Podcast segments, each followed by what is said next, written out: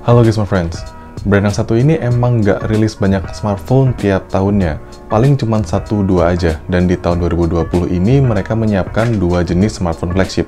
Yang satu itu punya kebutuhan merata seperti Zenfone 6 series, dan satu lagi adalah flagship gaming, seperti yang sedang saya pegang sekarang, yaitu Asus ROG Phone 3 atau ROG Phone 3. Lewat seri ROG, Asus cukup dikenal untuk perangkat laptop maupun aksesori lainnya seperti monitor atau headset yang khusus untuk gaming.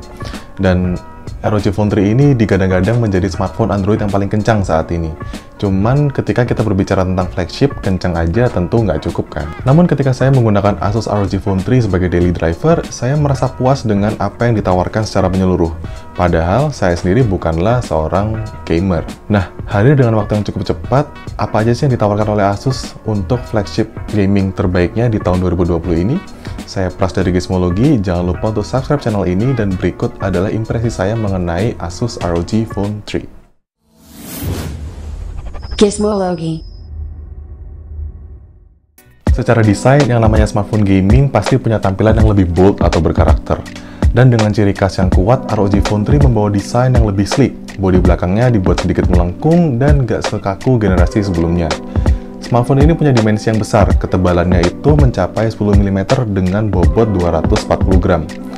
Ramping tapi cukup tinggi, dan kalau dipegang satu tangan, berlama-lama mungkin bakal terasa akan berat untuk sebagian orang.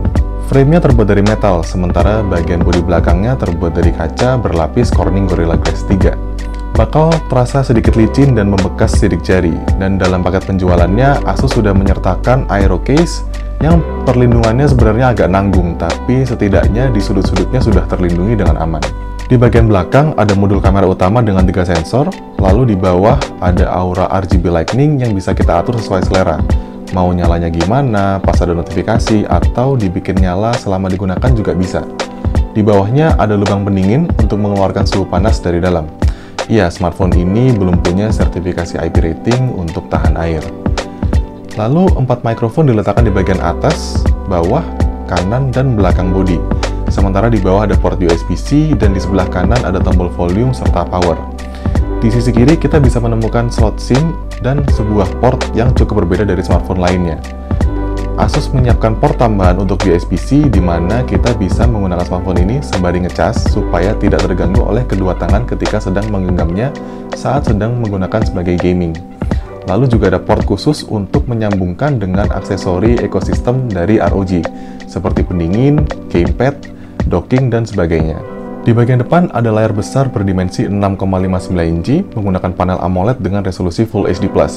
Layar ini bisa dibilang cukup canggih, punya refresh rate sampai 144 Hz dengan touch sampling rate 270 Hz serta latensi sebesar 25 millisecond.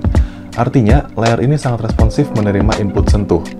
Bekerja sama dengan Pixelworks, reproduksi layarnya dibuat akurat dan sudah mendukung HDR10 untuk konten Netflix. Bezel atas dan bawahnya memang agak tebal, tapi bukan tanpa tujuan. Selain supaya megang smartphone-nya lebih enak, bezel tersebut juga digunakan untuk meletakkan speaker stereo. Keluaran suaranya kenceng banget, kualitasnya lumayan, hanya menurut saya untuk vokal agak terlalu tipis. Tapi Asus sudah mengoptimalkan speaker ini bekerja sama dengan direct ketika digunakan untuk bermain game seperti PUBG Mobile, suara langkah bakal terdengar lebih jelas supaya lebih mempermudah proses bermain game. Sedikit catatan pada layarnya, kadang kalau nampilin warna abu-abu atau sedikit gelap, layar ini cenderung menampilkan warna yang sedikit kehijauan. Ini sebenarnya sudah isu yang cukup umum di layar AMOLED terutama di refresh rate yang lebih tinggi. Namun di ROG Phone 3 ini sepertinya memang sedikit lebih parah. Saya nggak ngerti apakah ini hanya karena kalibrasi software atau hardware. Semoga cuma perkara software aja dan bisa diperbaiki lewat software update. Namanya HP gaming, saya sebenarnya udah pesimis duluan dengan kamera dari ROG Phone 3. Sebenarnya secara sensor sudah bagus sih. Sensor utama di belakang punya resolusi 64 MP menggunakan Sony IMX686 dengan aperture f1.8 tanpa OIS. Lalu di sebelahnya ada kamera 13 MP f2.4 ultra wide angle dan satu lagi ada sensor tambahan dari generasi sebelumnya. Sayangnya sensor ini adalah sensor makro 5 MP. Saya nggak ngerti apakah gamer itu suka foto dengan objek dekat ya. Tapi kita bisa anggap ini sebagai sensor bonus aja. Sementara di depan ada kamera 24 MP dengan bukaan f2.0. Secara keseluruhan, kualitas kamera dari ROG Phone 3 ini untuk hasil fotonya cukup bagus, walaupun memang nggak sekelas dengan flagship lainnya yang mengulkan fitur kamera. Setidaknya untuk foto-foto kebutuhan biasa udah cukup banget. Yang saya catat adalah skin tone-nya masih kurang tepat dan dynamic range-nya tidak selebar flagship lainnya. Walaupun uh, konon kabarnya kalau misalnya kita pakai Gcam di sini hasilnya bisa jauh lebih bagus, tapi di sini saya mencoba untuk mengujinya dengan menggunakan aplikasi kamera bawaan. Di aplikasi kamera bawaannya, Asus menyediakan mode profesional termasuk mode malam. Mode malam ini cukup seru karena dia menampilkan jumlah detik yang dibutuhkan ketika mengambil foto dan juga prosesnya terjadi secara cepat. Jadi ketika kita sudah selesai jepret, kita bisa langsung lihat hasilnya tanpa perlu menunggu.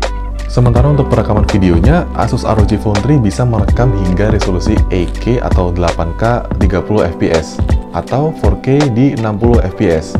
Tanpa OIS, hasil videonya masih cenderung stabil menggunakan gyro EIS. Dan juga Asus berikan fitur Hyper Steady yang bikin videonya jauh lebih stabil. Tapi dia pakai sensor ultra wide, jadi kalau misalnya kondisi cahayanya kurang, hasil videonya bakal kelihatan grainy atau noise. Dan juga sama seperti mode foto, di mode videonya Asus juga sediakan mode Pro Video. Di sini selain bisa atur ISO dan shutter speed, Asus juga membuat kita bisa mengatur uh, arah mikrofon. Jadi karena smartphone ini punya empat mikrofon, kita bisa pilih mau surround sound atau dari depan aja atau dari belakang aja. Smartphone ini menjalankan ROG UI berbasis Android 10. Sebenarnya secara tampilan nggak jauh beda dengan stok Android, tapi Asus kasih segudang fitur khusus gaming pada smartphone ini. Dari tampilan awalnya aja udah pakai wallpaper yang keren banget. Ada X Mode untuk meningkatkan performa secara keseluruhan, serta gaming portal bernama Armory Crate. Di portal ini, kita bisa atur aura RGB yang ada di belakang sampai berbagai profil pengaturan ke sesama pengguna ROG Phone lainnya. Di sini kita bisa atur fitur Air Trigger yang ada di sisi kanan body. Dan juga ada Game Genie, yaitu tools yang bisa diakses selagi kita lagi bermain game. Ada pintasan penting seperti mematikan fungsi notifikasi atau fungsi telepon, serta indikator seperti suhu, frame rate, dan kapasitas baterai. Menggunakan chipset Snapdragon 865 Plus, dipasangkan dengan RAM Alpi DDR5 dan memori UFS 3.1, skor Antutunya cukup fenomenal dan memang terasa sangat cepat. Ini adalah smartphone paling kenceng yang pernah saya pakai dan nggak ada kendala sama sekali untuk multitasking. Ketika digunakan untuk bermain game, panas akan terasa di bagian samping kiri belakang bodi, dekat lubang ventilasi dan port samping. Setidaknya jauh dari kedua tangan ketika menggenggamnya pada posisi landscape.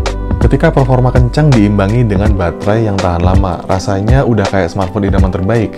Kalau biasanya kapasitas baterai 6000 mAh itu adanya di smartphone mid-range atau kelas menengah ke bawah, di sini Asus mencoba membawa kapasitas baterai yang jumbo di seri flagship gaming mereka. Dengan penggunaan intensif ala saya, yaitu saya menyalakan aura RGB setiap layarnya nyala, terus saya juga pakai mobile data, saya pakai dual SIM, dan setiap hari saya pakai smartphone ini untuk Zoom conference atau video call lewat Google Duo dengan durasi minimal 2 jam.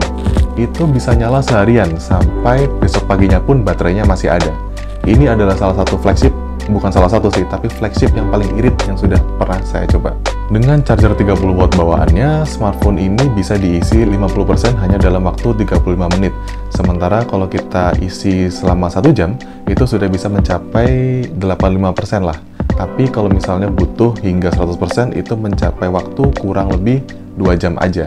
Hitungannya cukup cepat untuk kapasitas baterai yang besar, yaitu 6000 mAh. Nah, untuk memperpanjang masa pakai baterai, Asus kasih fitur khusus bernama Power Master. Di Power Master ini kita bisa mengatur apakah baterai ingin diisi secara penuh atau kita kasih limit di kapasitas persentase tertentu. Tujuannya supaya smartphone ini punya masa pakai yang lebih panjang. Kemampuannya untuk ngegame memang udah nggak bisa diragukan lagi, begitupun performa untuk multitasking dan lainnya. Untuk sebuah flagship dengan harga mulai dari 9.999.000 atau 10 juta kembali 1000, ROG Phone 3 terhitung good value, punya perbandingan fitur dan harga yang seimbang. Untuk para gamer profesional, smartphone ini cocok banget apabila didampingi dengan ekosistem aksesori lainnya. Dan untuk pengguna casual pun, sebenarnya juga masih cocok-cocok aja, asal tidak berespektasi lebih dengan kameranya. Itulah review dari Asus ROG Phone 3. Review lebih lengkapnya bisa Gizmo Friend akses di situs kami gizmologi.id. Jangan lupa untuk subscribe channel ini dan main-main ke media sosial kami di Twitter dan Instagram @gizmologi. Saya Prasetyo dan sampai ketemu di kesempatan berikutnya.